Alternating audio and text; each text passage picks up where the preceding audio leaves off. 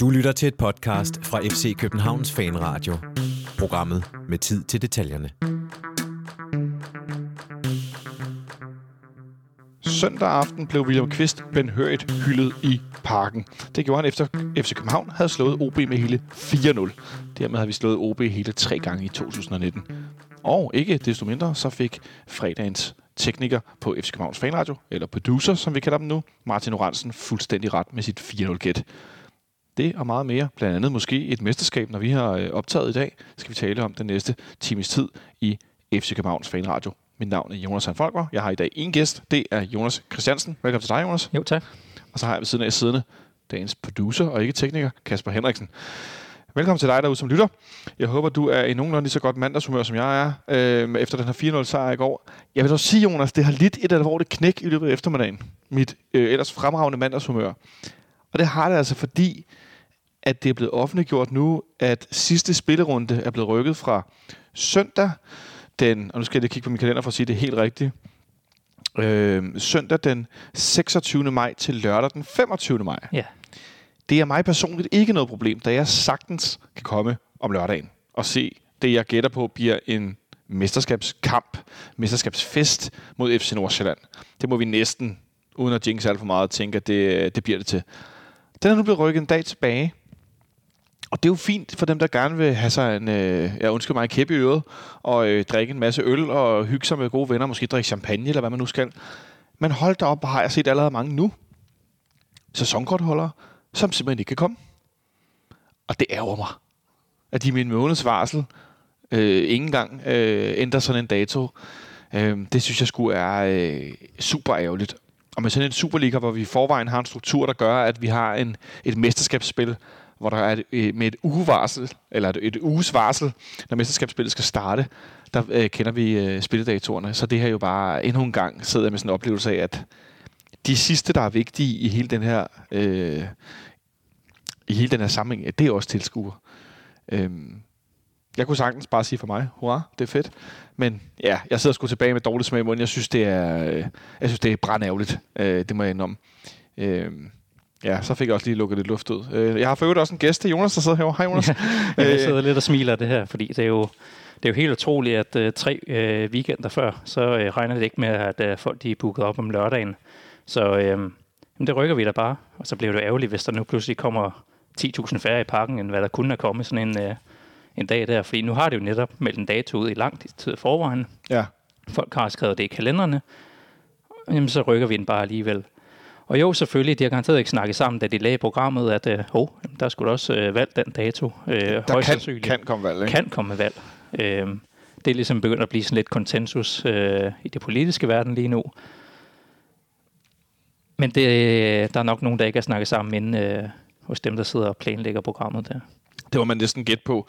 Øhm, jeg sidder sådan også lidt og tænker, det er da også interessant i forhold til øhm, den her meget, meget tætte øh, kamp om, øh, om om bronzemedaljerne, at øh, i den her runde, øh, den, der nu er den 25. maj, der, øh, hvad hedder nu skal jeg lige se her, der mødes, øh, og det er runde 36, der møder øh, Midtjylland møder Esbjerg på hjemmebane.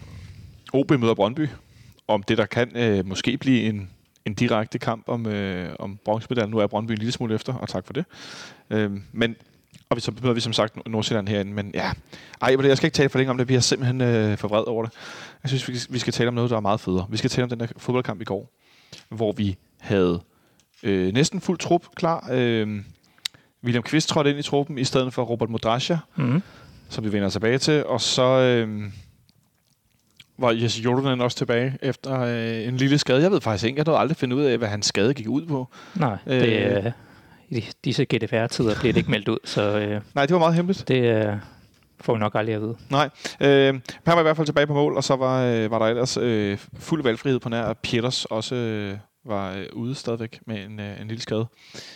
Eller det er jo efterhånden ikke en lille skade, men det, det, det jeg mener, han har ikke fået en korsbåndsskade eller sådan stil. En, en, Nej. I hvert fald en skade af Så øh, vi kørte samme startopstilling, som vi gjorde i, i Farm. På nær, som sagt, at Jesse han var inde fra start. Ja, så øh, hvad hedder det, Bøjlesen var tilbage. Bøjlesen var selvfølgelig tilbage, ja. Det er noget vrøvl, det var ikke samme startopstilling, det er noget vrøvl. Øhm, vi kørte det jeg, det, jeg egentlig vil sige, var, at vi startede med det, jeg tænker er vores øh, foretrukne startelver, sådan Ja. som det så lige nu. Præcis, jamen det er, det er fuld trup, øh, og de bedste 11, der, der spillede i går. Det er egentlig ret interessant, at Jonas Vind ret hurtigt er blevet en af de, en af de bedste 11, men det, må, det er han jo. Ja, det er der og, ikke så og meget. en af de vigtigste for spillet næsten, øh, rent taktisk, så det er jo øh, det er ret hurtigt, det, det er gået der. Men et OB-hold, vi spillede mod for øh, knap en måneds tid siden i, i Odense, en kamp, hvor at vi var nået på hælene i første halvleg i, i forhold til deres 3-5-2-opstilling, som vi selv skiftede over til i, i pausen, og øh, hvor vi fik noget mere greb og vinder så 1-0 på det her mål Mm. nummer 100 af Darmendøj. Sidenhen er vi kommet lidt bedre i, i stand, synes jeg, rent spillemæssigt hen over de sidste par kampe. Øhm, men starter endnu en gang. Det er snart øh, sådan en, en hver anden gangs oplevelse her i parken. Noget usikkert. Ja, det er en øh, enorm øh, intens start, vi ligesom har. Øh, og de kommer også ud i en lidt sjov øh, formation OB. Øh, jeg skrev ned, de kommer ud i en 4-1-4-1 opstilling. Ja. Øh, fordi de simpelthen har øh, et halvt hold skadet af profilerne. Øh, så de, de bliver simpelthen nødt til at rykke rundt, fordi de har ikke en vensterbak tilbage, eller sådan nogle ting. Og de bare savnet godt nok lidt af hvert. Ja, så de kommer ud i den her 4-1-4-1, og den giver sådan lidt en, øh, en uro i, øh, i begge kæder på en eller anden måde, øh, faktisk gennem hele kampen. Øh, fordi de har øh, AK Jacobsen op foran, der ligesom kan ligge mellem øh, Vafro og Bjelland og pres der.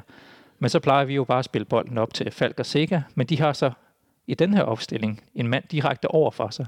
Ja. Begge to, fordi de har to midtbanespillere, der ligger ret højt på dem. Ja. Så det bliver, ret, øh, det bliver ret crowded inde på midten, og derfor bliver det sådan lidt rodet, og det er ret nemt at komme i kontra i øh, begge retninger egentlig for begge hold. Men OB starter bedst med nogle, øh, nogle ikke... Det er ikke, fordi de skaber en masse store åbne chancer, men de har nogle, hvad- hedder sådan noget, optræk til chancer, eller sådan nogle muligheder, der nemt kan blive farlige, hvis den sidste aflevering lige ligger helt rigtigt. Og sådan, altså det der sådan lige ved næsten. Øh, de har en situation, hvor at bolden kommer ind, og så rammer den Baskim Kadri, mens han er ved at falde. Øh, og så bliver det faktisk en kæmpe redning af Jesse Jonas. Ja, det kommer... Øh, ja, det er den der bold, der sådan bliver lagt øh, ind over dem. Jeg ved ikke, Kasper, du skal ikke trykke på knapperne derovre nu. Vi har styr på teknikken igen. Ja, ja, præcis. Præcis. Jeg ved, du tænker på den, hvor, øh, hvor Bøjlesen får, ramt den, og så øh, Jesse, han... Øh, er det, er det Bøjlesen, der rammer? Jeg Det- tror, det var Katte, der ramte jeg tror, den rører over ham, og så rører den ind på. Bøjlesen, og så tilbage på øh, Baskim. Og, Ja, sådan lidt frem og tilbage, men i Ja. hvert fald, når øh, Jordan er ned til sin egen højre side Præcis. med en ret stærk parade, det, der tænker jeg sgu, ej, nu sejler vi ja, sådan det, lidt er, det er en flot refleksredning. Men det må man sige. Øhm, I en første halvleg, hvor vi jo ellers øh, har altså meget overtag i, øh, i spillet, når vi når hen øh, i midt i halvlejen. I starten er det sådan lidt frem og tilbage. OB har egentlig, Ja, det, ja, de er virkelig bedst. ja, det første kvarter, der er det i hvert fald øh, OB, der får mest ud af det. Det er rigtig meget sådan noget interception på interception hele tiden. Ja. Øh, og det er netop det, altså hvis... Øh, og man kan godt se, OB, det er jo øh, det er et godt hold, og de har ret det er ret højt tempo i deres boldomgang på den sidste tredjedel også, og det, Ja. det giver os lidt flere udfordringer, end vi har været vant til indtil videre. Øhm, så vi skal lige bruge øh, ja, det her kvarters tid, indtil øh, vi får den første hovedstødschance til, til Falk, øh, hvor han lige frem med, med toppen af, af hårpragten der. Hvor han, øh, skal han egentlig lade være med at gå på den, og så står øh, måske Danmarks øh, tungeste hovedstødspiller om bagved, der er Mendøjer klar til at sparke den ind med panden. Ja, han har nok en bedre mulighed for den. Jeg tror, at Tverskov var kommet på den, men det kan være, at han havde skubbet den i selvmålet alligevel. Det tror jeg var en større mulighed end, øh, end Falk, der prøver at nå den. kommer flyven. Haha, falken. Haha. Ej, det var ikke sjovt. Men derfra tager det ligesom om, så får vi sat os bedre. Altså, det var som om, det var ligesom forløsningen for, for starten af kampen, den her, øh, den her afslutning. Ja, lige præcis. Øhm, og vi får også øh, ja, vi får nogle muligheder. Robert Skov får lov til at, øh, at komme i en god position, men får ikke rigtig nok ud af det, og så videre. Øhm, og så har jeg skrevet, at øh, ja, der kommer også, altså, vi får begyndt at få godt gang i vores, øh, vores samspil op på den sidste tredjedel, og der, der er ret mange muligheder for ligesom at, at spille den rundt hurtigt. Øh, Ja. Der er også en, en lopbold fra Bøjlesen ind til Falk, hvor det bliver lidt for rodet til at kunne komme på en afslutning, hvor der også der var fem SK-spillere klar til at, at sparke på den øh, nærmest samtidig, men det løber lidt ud i, i sandet alligevel. Og så får vi spillet os rundt i højre siden efter, noget, efter en rigtig, rigtig god tværbold for Sikker, hvis jeg husker rigtigt, øh, over på Peter Ankersen. Ja, præcis. Øhm, lige præcis. Og den, øh, ja, så får de øh, spillet lidt, øh, lidt bold rundt. Øh, Det, det, det, er jo de spiller den egentlig lidt rundt. Det er lidt sjovt, ja, man ser det, det, det, der. så, det, der er sådan en chance, der, der er sådan ved at løbe lidt ud i sandet. Øhm, og så, øh, jamen, så får Skoven jo lige pludselig øh, med en Mathias Greve øh, hængende efter sig. Øhm, og så er det jo... Øh, så er det jo super smart, at uh, Robert Skov han, uh, han lægger an til, uh, til skud, og der er tre OB'er, der begynder at kaste sig ind foran den, fordi det har de lært. Men så uh, er Skov god nok til at ligesom, prøve at variere sit spil, og så spille den i stedet for. Så han spiller måske den hårdeste indersideaflevering, jeg har set i er meget lang tid øh, på tværs igennem feltet til, til Døj, som pludselig er umarkeret, ja. øh, som øh, tager en berøring og som bare lægger den over diagonalt i den retning, hvor bolden kom fra. Ja, præcis. Bum, 1-0. Ja, lige præcis. Altså, man kan se øh, på, på tv-billederne, at det er, øh, det er højrebakken, eller vikaren derovre, Troels Kløve, som, øh, som man glemmer at følge med, og er nærmest klar til at løbe kontra, og Tværskov står egentlig sammen med en døje, men han er nødt til at følge med vind, som er på vej ned i en, til at løbe dybt der, og så, jamen, så er en døje pludselig helt fri. Men det store spørgsmål er, er han offside? Ja. Ja, det er han vel, er han ikke det? Jamen, det er han. Jo, det synes jeg også, når jeg så øh, tv-billederne, at øh, ah, altså, han er offside. Det, det er der ikke meget at, at komme efter. Præcis. og så forsøgte jeg at lave den klassiske, hvad nu hvis det havde været OB og ikke os? Øh, hvor sur var jeg så blevet, agtigt, og så kan jeg godt øh, melde ud, at der var jeg blevet rimelig galt.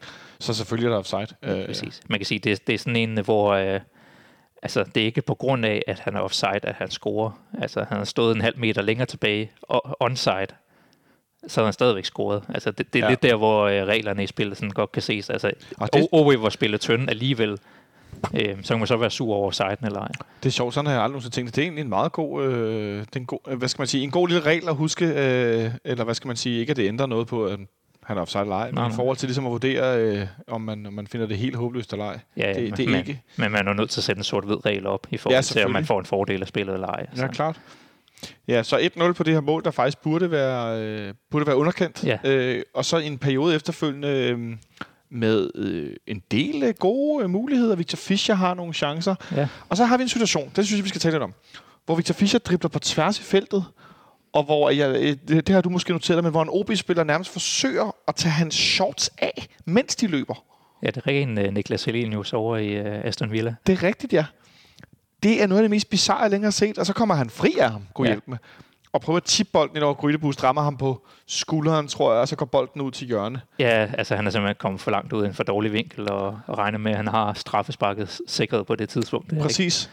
Og til store, Victors øh, store øh, frustration, hvilket man godt kan forstå, bliver der så, øh, øh, protesterer han voldsomt over, at der ikke bliver dømt straffespark efterfølgende. Ja. Øh, og da jeg så det først, tænkte jeg, ja, han skulle måske lade sig falde, men når jeg har set det i dag, i højdepunkter, det er jo det er fuldstændig sindssygt, der ikke bliver dømt straffespark. Ja. Men jeg kan godt forstå, altså når man ser det sådan i, i live, øh, så, øh, så ligner det egentlig bare, de sådan lidt øh, skemysler lidt. Ja, de moster lidt. Det er svært at se, men det er klart, når man, når man får den øh, i, i langsomt, så er det klart, så, så hænger han i shortsene der. Han har fat i hans shorts over 10-15 meter, og de bliver ryger et stykke øh, op og ned i den ene side. Og sådan, altså, det ser jo helt mærkeligt ud. Ja. Jeg ved ikke, jeg så øh, en bruger på Twitter, øh, David Timroth, der ja. citerede øh, Joachim Bolsen, der ja. snakkede med Jens Moe. Og han havde sagt et eller andet med, når jamen, Victor Fischer får nok chancer i kampen alligevel. Så, øh, det, det har han sagt, det går onside. Ja. Øh, altså, og ja, oh, sorry guys and girls derude, men vi bliver altså nødt til at tale om Jens Moe. Det her er jo bare en af de situationer i går, hvor jeg tænker, hvad er det dog, der foregår? Altså for det første hans, det her straffespark, men så også hans, øh, i løbet af hele kampen, nærmest, altså jeg troede, han havde glemt det gule kort. Øh, han ender med kun at uddele et enkelt gult kort til, til hvad hedder det, øh, Grydebust i en situation i anden halvleg øh, efter en scoring, som også kunne være annulleret. Øh, men i det hele taget virkede det... Altså, jeg synes indimellem, det virkede som om, at han ikke dømte de frispark, der skulle til, for at spillerne ikke spillede for voldsomt. Ja, altså gul kort for noget af det mest velbegrundede brok. Øh, ja, præcis. Længe.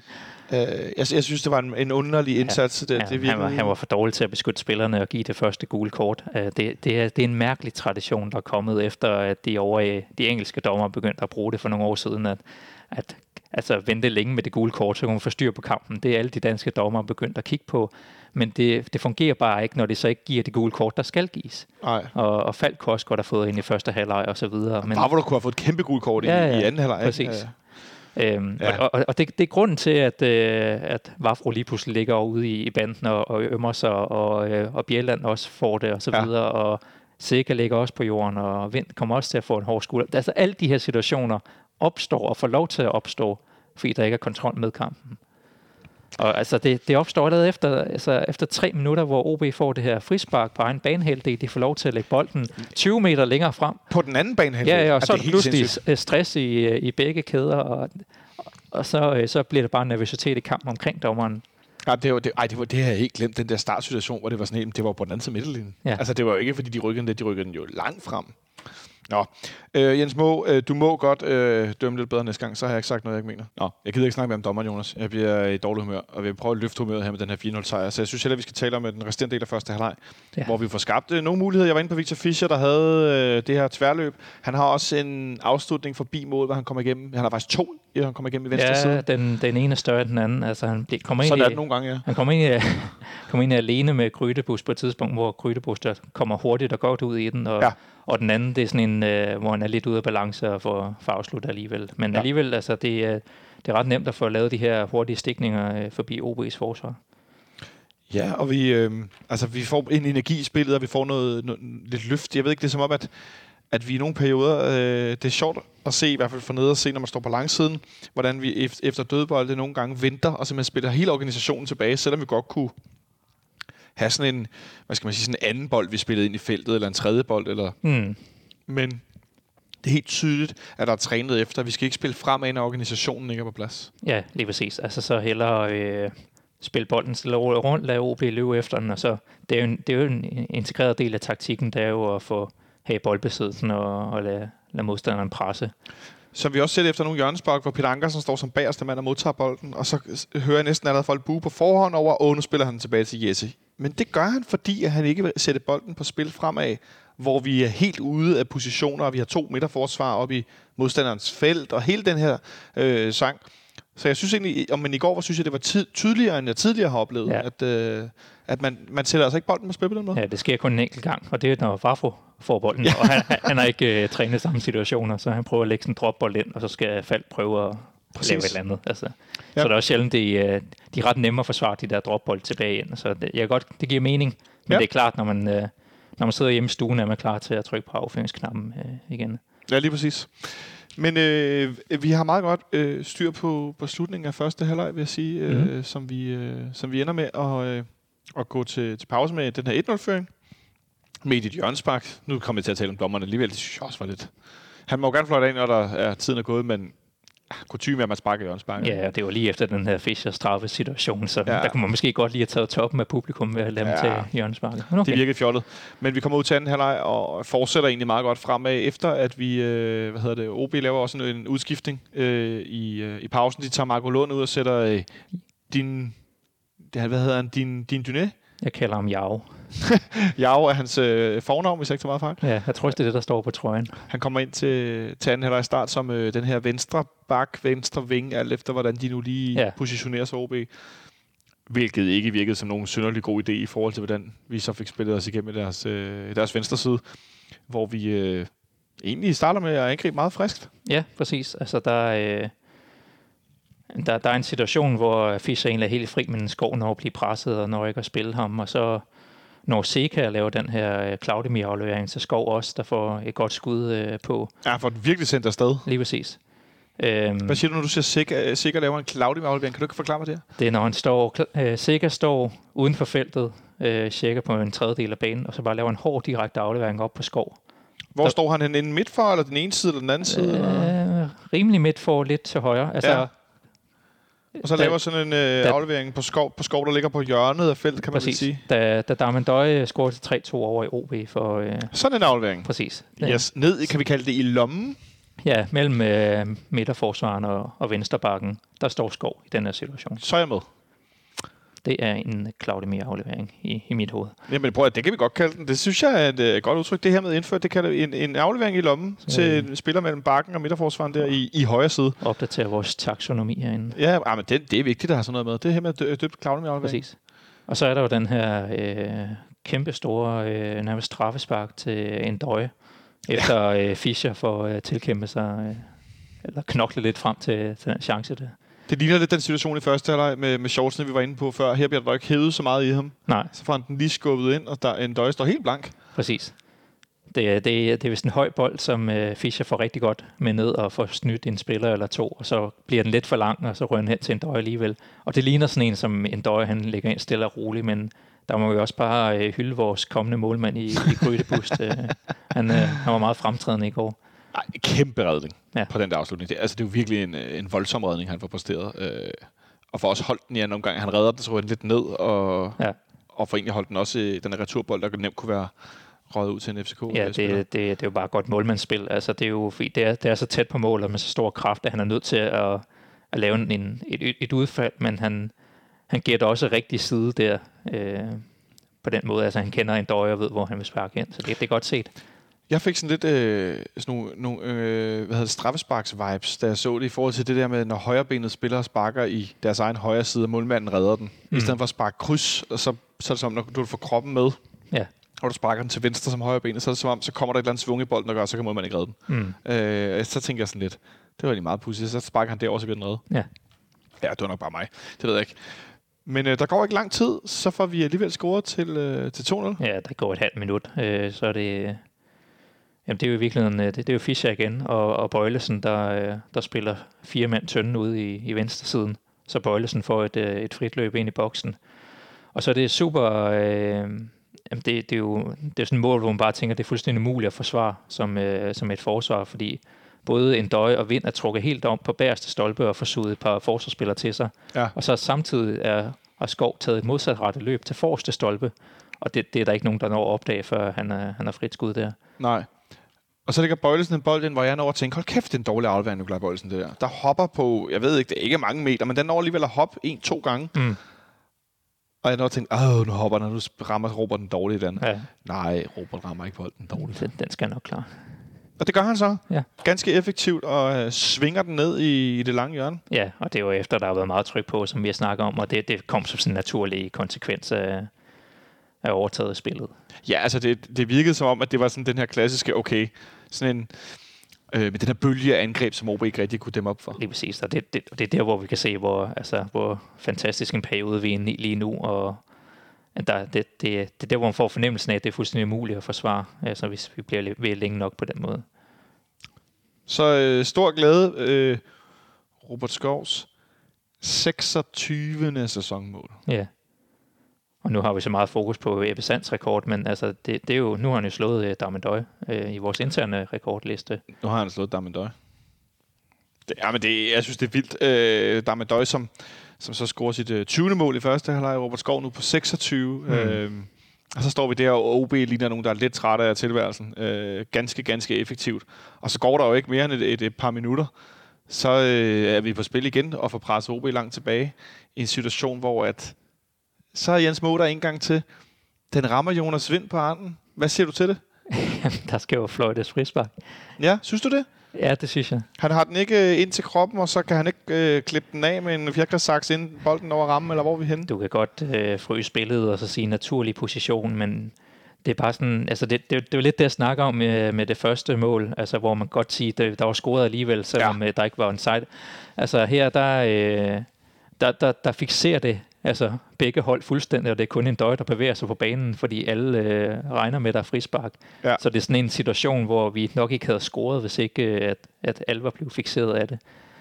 Øhm, jeg vil sige, der er frispark. Altså det, øh, Så øh, Jens gør så igen øh, uheldigt bemærket, må jeg hellere være semidiplomatisk og sige, at OB-spillerne er jo også straks over ham i, i stor protest, øh, hvilket man jo godt forstår, Ja. øh, som så kaster et gult kort af sig, af sig til, til Sten Grydebust Mm. efter forståeligt voldsomme protester. Øh, så, så står vi der og fører 3-0 efter, øh, hvad hedder det, 58 minutter, og, og kampen er vel egentlig på det her tidspunkt, jeg ved ikke, om jeg vil sige, at den er færdig, men den er i hvert fald lukket allerede. Ja, der er, altså OB tror ikke på det længere, og de er så frustrerede over, at øh, det blev, blev snydt, øh, tror jeg også øh, udspillet øh, inden for særlig kort tid. Altså, så jeg tror ikke, de fornemmer, at der er mere at gøre i den kamp. Så øh, vi gør det eneste øh, kloge i den her situation og skifter straks ud og sætter øh, Mohamed Darame på banen i stedet for, øh, hvad hedder det, i stedet for Damendøj, Mm. som går tidligt ud i kampen igen. Øh, nu har han også spillet mange kampe, og han er ikke den yngste mand i truppen. Øh, men jeg blev alligevel overrasket over, at han gik ud så tidligt øh, endnu en gang. Denne gang efter en time. Han gik også tidligt ud op i, øh, op i farm. Altså, ja, ja, da, lige da han var blevet f- skiftet ud, så tænkte jeg, nå, så nu kan vi spare ham. Men man ser faktisk, da kampen slutter på tv-billederne, der halter han øh, en smule ud på Det bænken. nu jeg også mærke til herinde i parken, at han gik direkte ud efter kampen og øh, var slet ikke med til at, og hylde William Kvist, eller være nede ved Nej. sektion 12, eller nede og se bagefter eller noget. Øh, han humpede langsomt Ja, langs sidelinjen. Jeg Gør det, gør det der bekymret? Ja, det ligner sådan lidt, øh, lidt en stiv lyske eller sådan et eller andet. Øhm, jeg ved ikke, om det er sådan en, der lige skal bruge øh, en halv uge eller hvad. Men altså, han er en maskine efterhånden, så det kan godt være, at øh, han er, står der igen på søndag. Altså, jeg ved godt, at han var yngre, men jeg kan ikke lade mig at tænke ni år tilbage, og så tænke tilbage på, da øh, Victor Valdez forsøgte at amputere hans kæbe med et knæ i hovedet herinde i, øh, i kampen i Champions League. Og det var han, der var han jo blackoutet og kom op og spillede kampen til ende, hvis jeg ikke husker helt forkert. Ja, ja. Der skal meget til at slå ham, øh, slå ham ud af kurs, mm. Men det, det så ikke sådan super godt ud. Øh, men han går i hvert fald på banen. Og så står vi i en situation, Jonas, hvor vi med cirka 30 minutter plus til løs Ja. tilbage i kampen spiller med et angreb, som hedder Jonas Vind og Mohamed Darami. Ja.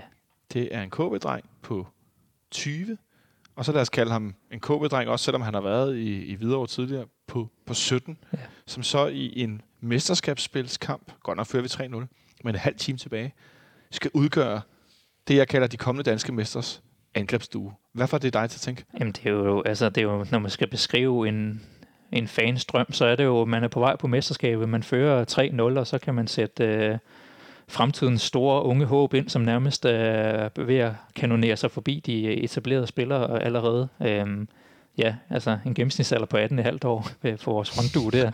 Og de er jo bare, øh, de spiller jo fint med. Øh, Vind er en fuldgod øh, seniorspiller på nuværende tidspunkt, og enormt vigtig for vores spil. Ja. Øh, og Darami, altså kan man godt se, har en hel masse ting, og det kunne være sjovt at lade ham få en hel kamp på et tidspunkt. Øh, måske, Som angriber. Ja, måske når vi, når vi har vundet mesterskabet. Øh, en af de tilbageværende. Bare for at se, hvad han kan, når han får lov til at og ikke skal sådan jagte lidt i, for at få en, øh, en personlig stat i de sidste kvarters tid.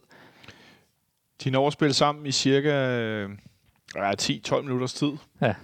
Så sker der desværre det, at Jonas Vind, han, øh, han bliver skadet. Ja. Man kan godt se, at han går. Er det skulderen, han tager sig til? Eller hvad Ja, ender det, vi egentlig Det ligner med? skulderen. Jeg blev lidt bekymret, fordi det lignede lidt sådan en cykelrytter, der brækkede Øh. kravbenet eller et eller andet. Jeg ved det ikke. Jeg tror mere, det var skulder end det. Øhm, men det, man kunne se øh, i slow, at det var øh, Janus Drakman, der kommer ind med en rigtig hård skuldertakling, så Ja. lidt for sent. Og man kan godt se, jeg havde lagt mærke til, at Drakman øh, tidligere i halvlejen har stået og peppet nogle af medspillerne op, fordi nu skal I fandme komme, dreng. Øh, det er ikke godt nok det her. Altså, så han vil have energien i det. Ja, ja.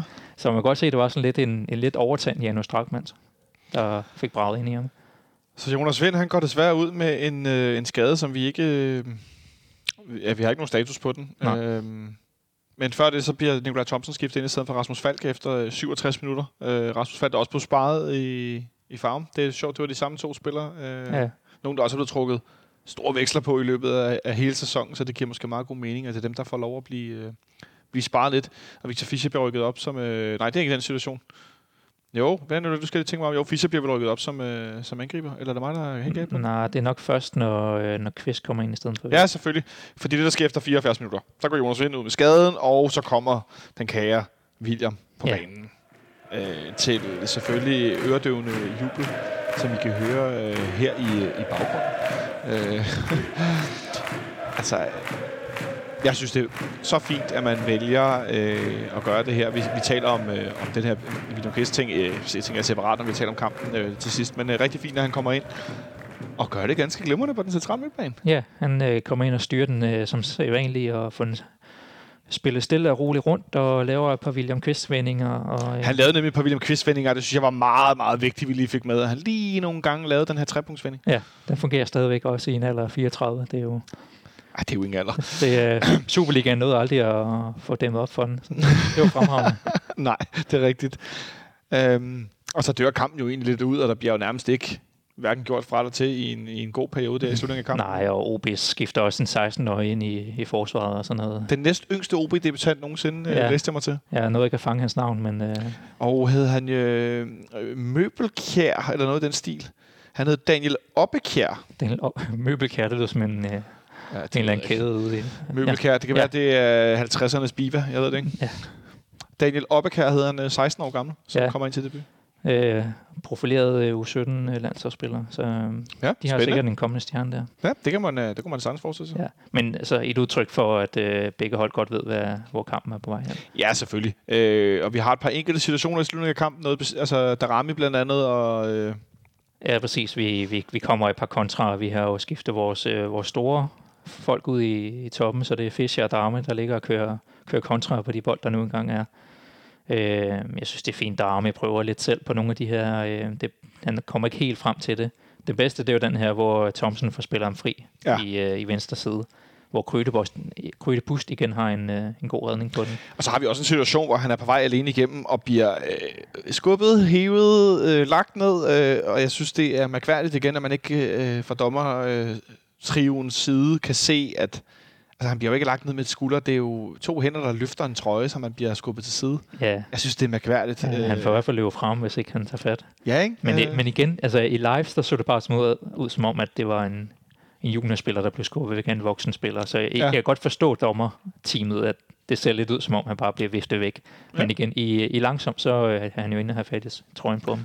Ej, jeg vil sige, fra tribunen, der ligner det godt nok. Øh, jeg ved ikke, om det var... Jeg tror nu nok, det var uden for feltet, men et, øh, et, et frispark på kanten af feltet, det kan der vist ikke være nogen tvivl om. Øhm, men alligevel, til allersidst, får vi, øh, får vi scoret efter en William Kvist erobring. Ja, han, øh, han laver simpelthen øh, en fremadstorm med interception og får sat to mand og, og spiller den ud til, øh, til Thompson. Det var jo som at se William i gamle dage, sådan et, øh, et, back to life øh, et, mål der. et sindssygt godt mål, Ja. i virkeligheden. Øh, måske må det træt OB-hold, men derfor skal man jo stadig løbe ned og sparke den ind. Det er Præcis. ikke, øh... Og fint, at Thompson kommer ind og viser lidt øh, kynisme og, og sådan. Så vi ender med at vinde 4-0 over OB, så i år har vi slået dem, skal de tælle efter, vi har slået dem 6-1. 1-0 i den første kamp over i OB i starten af sæsonen. Det er rigtigt. Vi vinder 1-0 i Odense til allersidst, hvor Darmendøj scorer efter et Rasmus Falk gennembrud, efter en kamp, hvor vi har kæmpet noget for at komme til at vinde. Præcis. Så vi vinder 1-0, så vinder vi 6-1. Det må være 7-1 i samme målscore. Ja. Så vinder vi 1-0, Mm. så er vi på 8-1, og så vinder vi 4-0. Så 12-1 i samlet målscore mod OB. Ja, og 12 point. Det er meget, øh, det er meget hæftigt. Præcis. Det skal ikke lige i sammenhæng med det indskyde, at øh, Esbjerg har slået Brøndby fire gange den her sæson. Jo, de øh, er på 13 nederlag nu, Brøndby. Ja, og, og 12 sejre, ja, det kan vi jo, det, det, det, det, det kan vi også godt tale lidt om senere. Nå, men vi ender øh, med at vinde øh, 4-0 i en, øh, i en til tider lidt rodet kamp, men en kamp, hvor at jeg stod tilbage med en oplevelse af, at når vi lige skruer på volumenknappen, eller på, hvad skal man sige, på træet på speederen, lige det her sidste, så er OB ikke i nærheden at kunne følge med. Tror du, det er et spørgsmål, om vi når så langt i sæsonen nu, så at startopstillingen, altså de spillere, der ofte spiller sammen, at de er så sammenspillede, eller er det et spørgsmål om niveauforskellen grundlæggende mellem os og OB? Jeg tror, det er niveauforskellen, og så synes jeg også godt, men øh, det var en mærkelig kamp, øh, fordi vi også får de her to mål, som er sådan lidt øh, tvivlsomme. Øh, så vi, vi har øh, spillet og chancerne til at score fire mål. Det blev, to af dem blev bare sådan lidt, øh, lidt mere værdige, så det er sådan lidt underlig fornemmelse, man har efter kampen. Men generelt, øh, og de havde også mange skader, så man, det blev ret tydeligt i nogle situationer, at øh, vi, vi var meget bedre. Ja, de havde øh, blandt andet, øh, hvad hedder han, Barrett Laversen, øh, hedder han ikke det? Jo, Jacob Barrett. Jakob Barrett på deres venstre øh, ving, venstre bak i deres 3-5-2, som ja. Ja. var ude, og Raymond Løven i deres midterforsvar, der manglede. Ja, Og, og Ryan Johnson i den anden side. ja så, øh, og de har været to af deres store profiler i foråret. Øh. Præcis, og hvem var det mere? Julius Eskelsen, deres nye komet på midtbanen ja. også, og så videre. Så et, et lidt øh, decimeret OB-hold, men derfor øh, kan de jo stadigvæk komme herind og spille øh, rumpetten ud af bukserne. Det, det forsøgte de i hvert fald i del af kampen, men øh, vi vinder øh, det, jeg vil kalde relativt overlegent øh, med 4-0. Mm. Øh, det der med, at cifrene lyver, det synes jeg er noget rod at rode sig ud i, så det, ja, det vil jeg godt holde mig fra. Præcis. Og jeg, og jeg tror, det er et udtryk for den her formation, de kommer ud i, altså hvor det, det giver lidt kaos i begge ender, men der, der er FCK altså bare bedre end OB til at udnytte chancerne, så det blev også lidt selvmord den vej igennem. Ja, det, det virkede i hvert fald som om, at de ikke var helt klar på, på at skulle spille den her opstilling herinde. Det, øh, det bliver jeg nødt til at holde fast i. Vil du have en, øh, en man of the match på her til sidst, inden vi skal snakke om William Kvist om et øjeblik? Åh, oh, det har jeg jo glemt at tænke over. Ja, Der er med dobbelt man of the match ind i parken. To mål, inden man kunne, øh, ikke kunne stemme længere osv. det er, godt, det er godt nok svært. Altså, det er virkelig sådan en, en holdpræstation, hvor der ikke rigtig er nogen, der sådan, øh, stikker ud. Altså, Altså, jeg kan godt klart sige, hvad min the ja, er. så kommer den. William Kvist. Selvfølgelig. Ham kunne man desværre ikke stemme på i går. Øh, jeg ved godt, at det er en afstemmer, der er en, der vinder en flaske champagne og sådan noget, og William fik rigelig fokus i går, men jeg synes godt, de lige kunne have smidt... Øh, der var mange, der stod lidt efter nummer 6 i deres app at stemme på. Øh, det, det, havde været, det havde været sjovt, hvis han havde fået den. Så lad os give den til ham. Jeg giver den til William Kvist i går. Det synes jeg, han skal have. On that note, så snakker vi øh, videre om ham lige om et øjeblik. Nu skal vi til det, Jonas. Vi skal tale om det, jeg uden øh, tøven godt vil kalde en legende i FC København. Forleden der fik øh, Rasmus MP, som er en af de nye øh, sådan, øh, deltagere indimellem, øh, meget fint sat William ind i en kategori, der hed øh, Niels Christian Holmstrøm, Ståle Sobakken, William Kvist.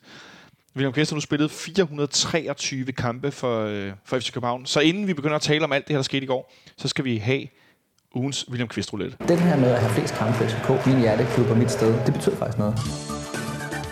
Hun opnået flest kampe for Genævns største klub igen. Altså det, det synes jeg er et fedt skuld at gøre. William Kvist rouletten. Og øh, jeg har øh, random number generated mig frem til nummer 4. Hold da. Og kamp nummer 4 ifølge Nepsastat, det er i 2005, den 31. 7. Vi spiller på Farm Park med 9.118 tilskuere. Det er fandme mange deroppe. Ja. Så er der sgu fyldt. Vi vinder 2-1. Mads Junker scorer til 1-1. Først scorer Alvaro Santos, og så scorer ingen ringere end den smukkeste mand fra Sverige, Markus Albeck, til 2-1 i det 86. minut. Med venstrefoden, hvis jeg ikke husker meget galt. Øh, eller det højre ben, nu bliver jeg i tvivl. Jeg tror, det er venstrefoden. Der står her i noter. Øh, det er André Bergdølmus første kamp for FC København. Øh, første kamp for FC København. Ja, det er jo så lige der i starten af, af sæsonen. Øh, Præcis. 5, 31. 6, 7. øh, Ja. Og så er det Markus Albecks første mål for FC København. Nej. Og det er sådan en flad tværbold ned mod udebaneafsnittet, han scorer på i det 86. minut. Jeg kan tydeligt huske det. Øh, vi må finde nogle højdepunkter. Ja. for den her. Det, det bliver vi nødt til at gøre, fordi det er, hvis vi kan, 2005. Det er Ja. ja. med mange år siden. Gen- generelt lidt et uh, kulthold, vi, øh, vi havde dernede i uh, starten af William Kvists karriere. Ja, hvad tænker du på kulthold? Uh, jamen, Santos, Albæk, uh, hvad har vi? Uh, og det er lidt før Hutchinson og Hangeland kommer. Og Berg Dølmo er også ja, øh, præcis. klart kult type. Og jeg, ser, jeg sidder lige her på, på, på YouTube og ser, om jeg kan finde de her højdepunkter. Der må jeg godt nok lidt svært. Men jeg kan huske det der Albeck-mål. Det var del med et, øh, et, øh, en sådan en, og vi har nu købt den her profilerede øh, øh, angriber og så videre, og så kommer han ind og scorer der. Det var super, super fedt øh, at stå deroppe i, i solen i farven. Som, Ja, man bare kan mærke, det, det her det bliver rigtig godt, altså, Ja, når man lige har præcis. fået en ny angriber. Og vi fik to nye angriber den sommerpause, hvis jeg ikke husker meget fejl. Både Peter Ije og Markus Albeck. Peter E.J. Ja. Øh, Strusse, øh, rumpetten, som Ja. nogen kaldte ham, eller øh, han havde i hvert fald en, en struttende bagdel. Men som sagt, kamp nummer 4 i William Kvistes 423 FCK-kampe. Ja. Ja, ikke dårligt. Men inden vi skal tale om ham, så har vi også en anden lille ting, som vi fik teaset for i går på Twitter, og det er øh, vores jingle maestro Tobias Lavets, som har lavet den her lille ting øh, til William Kvist. Den her med at have flest kampe for FCK, min hjerteklub og mit sted, det betyder faktisk noget. Det betyder faktisk noget. Det betyder faktisk noget. En legende inde i, uh, i FCK-tiden. Stå med pokalen øh, til sommer, når vi vundet Danmarksmesterskabet. Jamen, det er gode tider. Det er dejligt at sådan gode billeder at se, altså. Og lidt heldigt. Det kommer igennem her. Kvist. Et mål.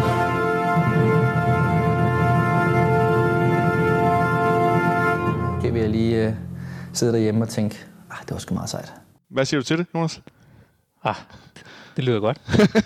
Jeg synes, det er fint. Øh, stor kado til Tobias for øh, af egen initiativ at lave de her øh, jingler, og ikke mindst den her til i dag. Jeg synes, det er super fedt.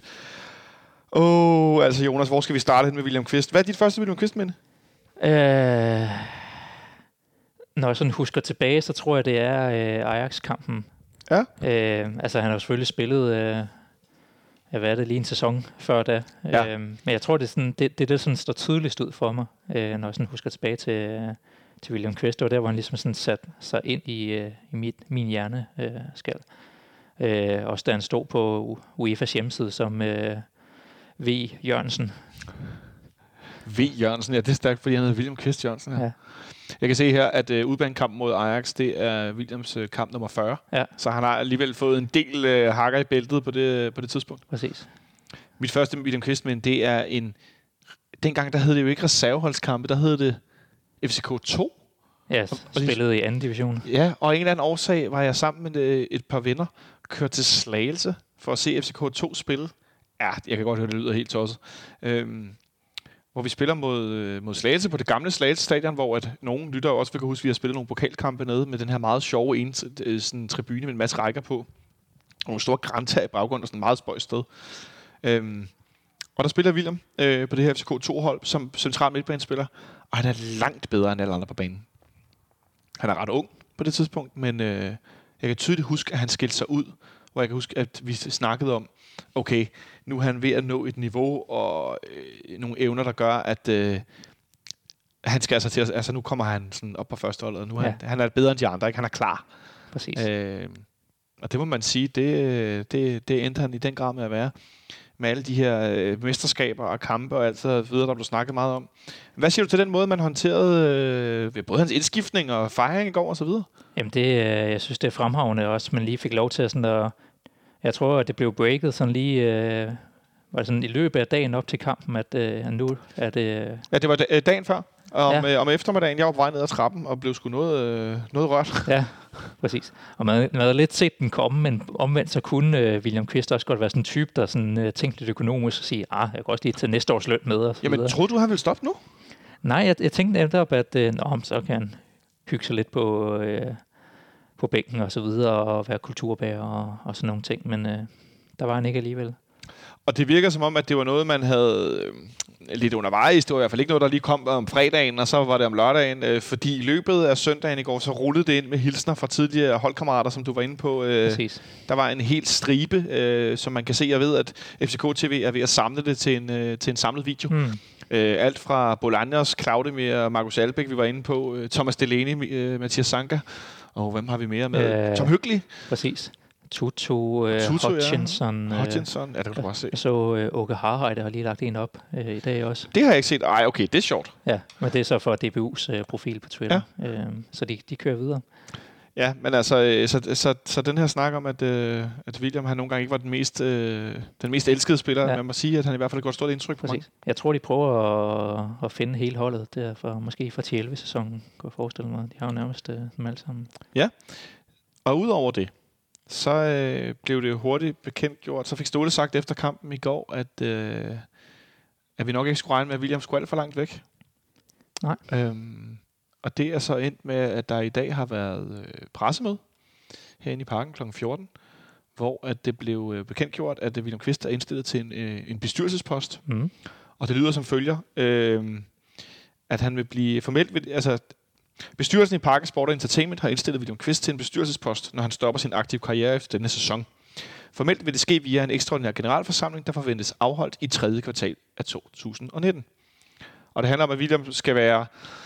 Skal vi ikke bare kalde det, hvad det er? Den nye øh, Niels Christian Holmstrøm? Ja, altså det er jo, øh, jeg synes det er rigtig godt at få en, øh, øh, en person ind i bestyrelsen, øh, der også har meget øh, sportslig øh, erfaring med sig. Ja. Øh, og ligesom har den stemme øh, efter Niels Christian Holmstrøm. Hans, hans position blev selvfølgelig overtaget. Men øh, at få William ind, som øh, har været øh, med Ståle hele vejen og har set, hvordan man bygger det her FC København hold op, og det fungerer, tror jeg er rigtig vigtigt øh, at have det som input i en bestyrelsesgruppe, som nok også er meget fokus på, øh, på udvidelse af LaLandia og så videre, og, og hvordan og hvorledes. Altså så, det er godt at have det skridt hele vejen op, så når nu Ståle på et tidspunkt øh, finder en eller anden ny Bundesliga-klub, at, så er der alligevel noget kontinuitet øh, igennem forretningen. Det kan jeg rigtig godt lide.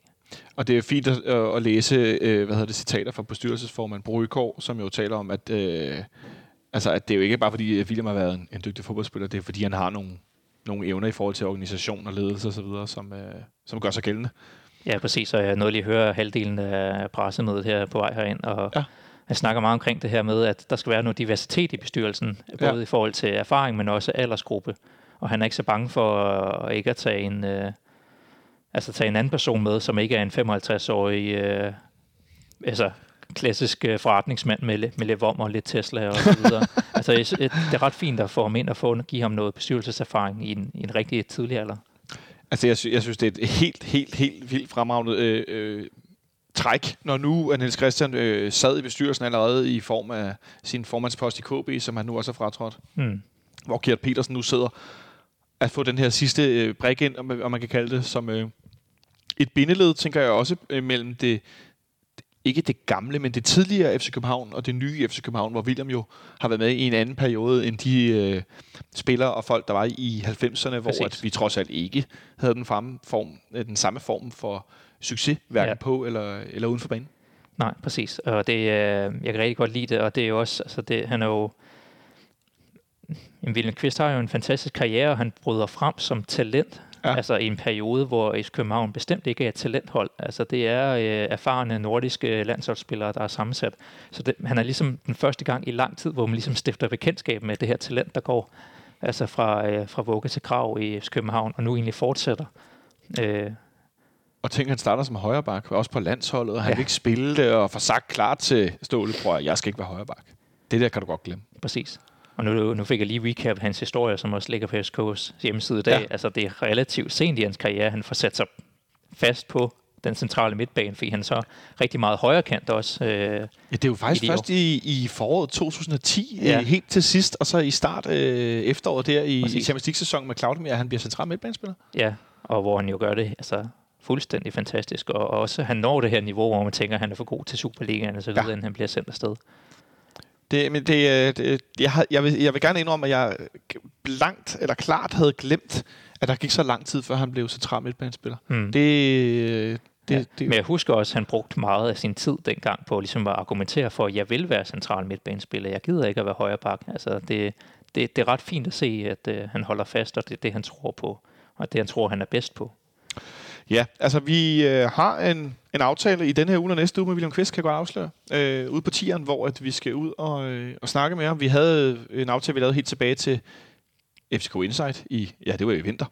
Øh, og, og der tænkte jeg lidt, jo, vi skal lave det i løbet af foråret, men der er jo masser af tid. William er her også næste år. Men nu strammer det til, så vi må hellere se at få, øh, få snakket med ham og få hørt ham om, om alt muligt.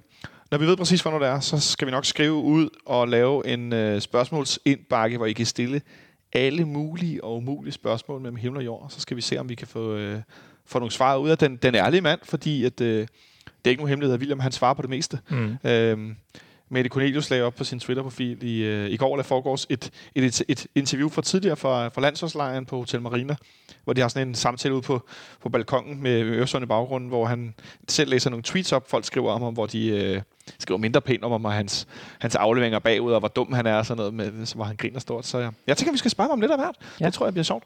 Øhm, skal vi, er der mere, du vil sige om William Kvist? Har han lidt, lidt han skal med på vejen herfra, eller... Øh har det virkelig fået nok med den her bænk? Det synes jeg også. Godt fundet på af fanklubben. Det skal de have stor ros for. Det var en, øh, det var en, en sjov gave Mm. til hans nye, øh, Præcis. hans nye hus Ja. med have. Øh, vi har lige et enkelt hængeparti, vi skal vende lige om et øjeblik. Fordi at jo, Jonas, om en times tid, så starter der mandagskamp i Superligaen i Farum, og den er mellem FC Nordsjælland og FC Midtjylland. Ja. Hvis ikke FC Midtjylland får tre point i den her kamp, så har vi vundet Danmarksmesterskabet. Ja. Hvad siger du til det? Det er, det er jo en helt mærkelig fornemmelse på sådan en øh, hverdagsaften, øh, hvor man ikke selv spiller, og, og man har egentlig mest fokus på derby og så videre. Ja, det er det. Altså, men, men omvendt er det jo fuldstændig fantastisk at have sådan et luksusproblem efter sidste sæson. Altså, det er jo gået så enormt hurtigt med at komme op i gear igen, at man nærmest ikke uh, tænker over, at, altså, hvor vi var hen for bare tre, tre kvart år siden. Skal jeg virkelig prøve at finde en stilling for samme runde sidste år? Ej vel. Og det, det er nok ikke så pæn læsning. Ej, det er det, jeg mener, det er næsten ærgerligt. Til gengæld så kan jeg finde den her stilling, som er sådan en stilling, der hedder en... Hvordan siger man det? Hedder, siger, det- hedder den Kane eller en Khan? Eller en... Det er C-A-N-N. Jeg ved ikke, hvordan man udtaler det. Det er sådan en stilling, øh, sådan en tabel, der viser med en linje per point, hvor stor øh, forskel der er i Superliga-tabellen. Ja. Og den fylder næsten en hel skærm på min 14-tommers laptop. Og så kan man se, at vi øverst, vi har øh, de her 76 point, og så er der sådan en, en linje for hver enkelt point. Og så skal man langt, så skal man lidt ned, så finder vi FC Midtjylland. Og så skal man virkelig langt ned. Så i bunden af skærmen, så finder vi Esbjerg, OB, øh, og så finder vi AGF og Randers, fordi de har jo lige så mange point i nedrykningsspillet, hvilket faktisk er lidt interessant, når vi taler om det her med op- og nedrykning. Øh, eller mesterskab og nedrykning. Så i bunden af skærmen finder vi OB. Og så, ja, vi finder lige Brøndby. Men hele bunden af skærmen er Brøndby i hvert fald. Så vi har lige nu Ja, hvis du tæller til 36, så når du derned. 36 points forskel, inden vi på søndag skal spille hen mod Brøndby. Hvad foretrækker du så? Skal vi gå ud herfra om lidt? Vi sidder her i fanklubbens lokal, hvis nogen var i tvivl. Bla bla bla. Foretrækker du, at du går ud herfra øh, om lidt, og så kører du enten hjem, eller hvor du skal hen og se den her fodboldkamp? Det kan være, at du skal ind på Old Irish inde ved Rådhuspladsen. Der ved jeg, at der er en røvfuld københavner inde for at se den her kamp. Fordi hvis nu det sker, at Midtjylland ikke vinder kampen, så har vi som sagt vundet mesterskabet, og så skal det fejres. Øh, foretrækker du, at, at, at det er det, der kommer til at ske, eller vil du hellere have, at vi, ja, fordi jeg går ud fra, at vi vinder på søndag Mm. mod Brøndby, have, at vi vinder mesterskabet der? Altså, Det er far for, at de sætter en kæppe i hjulet og udsætter den nu. Ja. Jeg tror, altså min, min holdning er, at det kunne være super sjovt og en fantastisk afslutning på sæsonen, hvis vi kan få den her oplevelse ind i parken på søndag. Altså, vi, vi tager mesterskabet, der er fyldt parken. Robert Skov scorer hat øh, eller, det, eller det sidste mål kommer i øh, langt ind i, øh, i anden halvleg, eller et eller andet. Altså, så hør det her altså, jubelbrøl, der vil komme øh, som sådan en forløsning på det hele, og som en, ja, bare sådan en, øh, den her fornemmelse af at have, være tilbage i, i dominans igen. Altså, jeg kan fortælle, at... Øh, Det eneste argument, jeg har for, Ja. at øh, FC Nordsjælland skulle tage point eller vinde, det er jo så, fordi de så kan gå op og, og kæmpe med den her, hvad hedder det, bronzekamp, eller i hvert fald hoppe op på måske en fjerde plads og skubbe Brøndby ud af den stilling, øh, så de kommer i, øh, ind i Europa-sammenhæng. Så det, men det er, hvis man er lidt mere på, det kan ikke gå godt for Brøndby-hatten, øh, i forhold til, øh, til vores egen. jeg tror sgu ikke, jeg ejer en hat, der ikke har, har det, den indstilling. Nogensinde. Øhm, skal vi se en gang, jeg sidder lige her og regner ud. Hvis tallene på, på billet.fck passer, så er der lige nu, de, FCK har jo delt nyhed tidligere i dag, at der er solgt over 30.000 billetter Mm. til kampen på, på søndag. Og øh, nu har jeg lige regnet sammen, ud fra hvad der står i systemet, når man lader musen køre henover. Ja. A-tribunen, der er der lige nu 1087 billetter ledige. Hold da. Øh, jeg ved så ikke, om alle afsnittene ude siden har været i salg endnu. Øh, jeg kan se, at A8, som er på øvre, Mm. øh, A ved siden af det famøse A11 udbaneafsnit, det tror jeg er det sidste, der blev sat i salg. Der er 818 billetter lige nu. Ja. Øhm, Og det går hurtigt. men det går hurtigt, fordi tidligere i dag, der fik jeg en besked fra Nikolaj Ingemann, ja. Som vi jo kender, som havde også talt sammen, og der var der cirka 1500 billetter. Mm. Så med mindre systemet det er lidt trykket, så, øh, så går der godt nok nogle billetter over, Præcis. over disken. Ja, og man kan se, at de afsnit, de bliver, de bliver lagt til salg, og så bliver de solgt, og dem, de billetter, der er tilbage, det er dem, hvor man sidder og kigger ind i rækkeværket øh, på, på forreste række. Ja, lige præcis. Så det virker som om, at der bliver det, vi kalder udsolgt, om ikke andet, så øh, skal det være, der er nogle billetter, der ikke bliver benyttet, men der bliver, der bliver tæt på udsolgt. Det kommer an på, hvor mange der kommer ned på udebaneafsnittet. Tror du, der er nogen, altså det kan vi godt lige tale om helt kort. Tror du, der er nogen af dem, der bliver væk i forhold til ikke at ville se os øh, eventuelt allerede skal øh, altså fejre et mesterskab, der er kommet i hus, eller kunne ende med at fejre det, fordi vi vinder kampen? Jeg kunne godt forestille mig, at der er nogen, der på dagen tænker, ej, det gider jeg simpelthen ikke alligevel. Jeg ved godt, jeg har stået i kø og fået en billet, øh, men... Øh, altså, hvis man tænker på sådan lidt øh, en følelsesladet fodboldfan, øh, Ja. Altså jeg kan fortælle, at lige nu er det jo fint vejr, jeg har shorts på i dag, men det bliver koldere og koldere og koldere, og vejrudsigten for på søndag, den hedder faktisk 4-9 grader. ej, Og det er ikke en joke. så skal vi Øhm. øh, drikke noget øl for at holde os varme. ja, det, øh, det, det, det, er meget voldsomt temperaturfald. 4-9 grader, ja. Øh, det ved jeg næsten ikke, hvad jeg skal sige til. Jeg håber, øh, jeg håber der, der kommer en, øh, en vind ind for siden med noget varm luft i hvert fald. Det er helt åndssvagt. Men rigtig mange billetter til Derby. Men hvad håber du? Du håber på, at vi vinder det på søndag først? Ja. Ja, jeg må indrømme, den vogner jeg altså også på. Øh, og FC Midtjylland har også en ret god statistik i farven hen over de sidste par år, hvor de har, øh, de har taget mange point. De har dog også spillet nogle uafgjorte, og uafgjorte er jo nok til, at vi vinder, øh, til vi vinder mesterskabet i dag. Mm. Øh, kunne man forestille sig, øh, at altså hvis vi skal have sådan den, den sorte scene hat på, at det vil være bedst for os ikke at have vundet mesterskabet på søndag i forhold til, at vi har jo nogle gange set, når vi først har vundet mesterskabet, så går der altså lidt slacker i den, øh, og jeg kan ikke overskue tanken om, at Ej, det vil være sådan lidt ærgerligt at komme sådan lidt øh, sådan et halv energiudladning mod Brøndby, og så tabe øh, en 1-0 eller et eller andet, øh, mens vi laver, øh, har forblændet os i mesterskabsfejring. Altså det, det, det vil være sådan lidt en øh, en lidt mærkelig dag, og eller som du siger, gråvejr og 4 grader, og Ej, øh, men det er jo helt åndssvagt. sådan lidt øh, sur mesterskabsfejring, så lad os bare håbe på det bedste. Men omvendt, så kan jeg ikke lade mig at tænke, at øh, vi også har at gøre nu med en spillertrup, hvor at jeg måske godt kunne forestille mig, at Agerien havde så stor for at vinde efter sidste år, og ja, måske også lidt forrige år, eller sådan lidt, altså at man vil virkelig, virkelig gerne vinde med det her mesterskab. Øh, så det der med at slække ved, øh, på hjemmebane mod Brøndby, hvor der kommer til at være fyldt dobbeltdækker på, på linje 12 herovre, øh, med 8.600 billetter, der er solgt til sektionen, hvilket er temmelig imponerende. Mm. Øhm, kunne, altså, øh, kunne du forestille dig, at selv hvis vi har vundet det, altså, kan de i den grad godt sætte sig op til at øh, tryne øh, de gule herinde? Ja, fordi det er så meget et, øh, et selvspillende flyl, som øh, Ståle tidligere har talt om, når, når holdet rigtig kører. Ja, altså, selvfly, selvspillende flyl. det, det, det, var den snak om, da, da Matic øh, kom ind på holdet, og øh, ja, hvor resten af holdet fungerede udenom ham. Øhm, Var han Ja. så en dårlig stemt øh, kontrabas, eller? Nej, men altså, så, så fungerede hele holdet, og så få- så han egentlig fint ud øh, alligevel, men så da der er nogen, der forsvandt, så, øh, så var det ikke så selvspillende alligevel. på den måde. Og så Yes, kunne han ikke så op derefter. Jeg skulle lige forstå, hvor han var henne i den her musik-analogi. Præcis. Nej, øhm,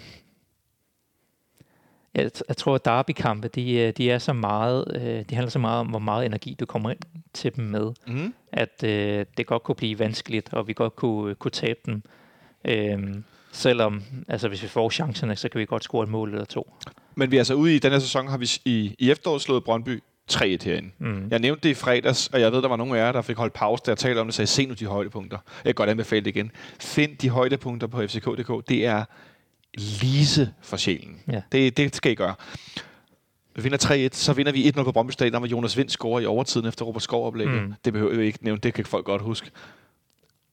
Og så kunne hjælpe mig, at vi ikke igen vinder øh, 2-1 ude i Brøndby Præcis. med Jonas Vind på overlæggeren med Saxe og Robert Skov, der kanonerer bolden i nettet, og Victor Fischer med hælen. Der er jo ikke meget, der taler for, at vi skal tabe den her kamp. Nej, nej, og det kunne være fantastisk, hvis vi tog samtlige 12 point mod Brøndby også i denne sæson. Det kunne være jo øh, helt forrygende. Men det er, hver gang vi sidder og ser de der derbyer, så er det intense kampe, og det er lidt frem og tilbage, og hvad hedder det, vi, vi scorer de to mål ret sent i den første kamp, og Jonas ja. vinder i overtiden, og øh, det var ret, øh, det holdt lidt hårdt ude på Brøndby Stadion her sidst. Altså, så jeg tænker bare, hvis Brøndby kommer med fuld tempo, og nu er det Mhm. FCK, og det er, nu skal de vise et eller andet og kæmpe om bronzen, og vi er sådan lidt, nå, nu har vi vundet det, og øh, nu har koncentrationsniveauet været så højt så længe, så man tager lige 30% af, så kan det godt blive farligt. Det kan godt blive farligt, men jeg, jeg kan ikke lade med at tænke, at der er simpelthen så meget øh, så meget lyst efter, og så meget sult efter at vinde Mm. det her DM og, og vise os, at vi, er, at vi er bedre end dem. Og nu er det ikke nogen hemmelighed, at Brøndby går øh, taber på, øh, hvad hedder det, øh, taber på, øh, på hjemmebane til Esbjerg. Mm. Øhm, og ser, altså vinder de pludselig Herning ud af det blå, hvilket også var øh, freakish. Altså, Det er et mærkeligt hold for tiden. Altså, de kan, de kan vinde den ene og tabe den anden. øh. Ej, så må du ikke sige, mand. men, jeg, men jeg synes som udgangspunkt, at, øh, at vi uden at ryste på hånden, og ganske objektivt godt kan sige, at vi er, vi er bedre end Brøndby er. Ja. Øhm, og det skal vi også kunne vise på søndag. Det kommer vi til at tale meget mere om på fredag. Jeg får i hvert fald besøg af Brøndby, øh, hvad skal man sige, øh, gode historier om brøndby kondisør Nikolaj Sten Møller, Ja. også kaldt som Smølle. Og så får jeg he- helt sikkert også minimum en gæst mere, der jeg lige vil finde ud af, hvem der, hvem der kan komme, og hvem der ikke kan. Øh, det ser jeg stort frem til. Så vi håber egentlig på, at FC Midtjylland vinder i dag. Er vi enige om det? Ja. Det er lidt sjovt, men det, det gør jeg faktisk også. Jeg håber, at FC Midtjylland vinder, sådan så at vi selv på søndag kan både slå Brøndby og dermed fejre et dansk mesterskab. Det, det, er sådan en, øh, det er okay, de, hvis de vinder 1-0, og så kan de jo lige få et par gule kort til dem, der er i karantæne for. ja. Så havde det været fint. Så har det været helt fint. Og for øvrigt så kan jeg sige, at vi slap for, at øh, Peter Ankersen og andre øh, var havnet i, øh, i karantæne for. Så øh, dermed så tror jeg, at vi vil lukke ned for dagens udsendelse. Det var en fornøjelse at have dig på besøg, Jonas, på den her mandag. Jo, tak. Selvom mit humør startede lidt dårligt. Det var en fornøjelse at have Kasper siddende over ved siden af og være dagens producer. Tak for det. Tak til dig, fordi du lyttede med. Jeg håber, I får en dejlig mandag aften, eller har haft det, når du lytter til det her, og måske har fejret DM. Måske bare har fejret, at det var mandag, og du ser frem mod Derby på søndag. Ha' det godt så længe derude. Vi øh, lyttes ved.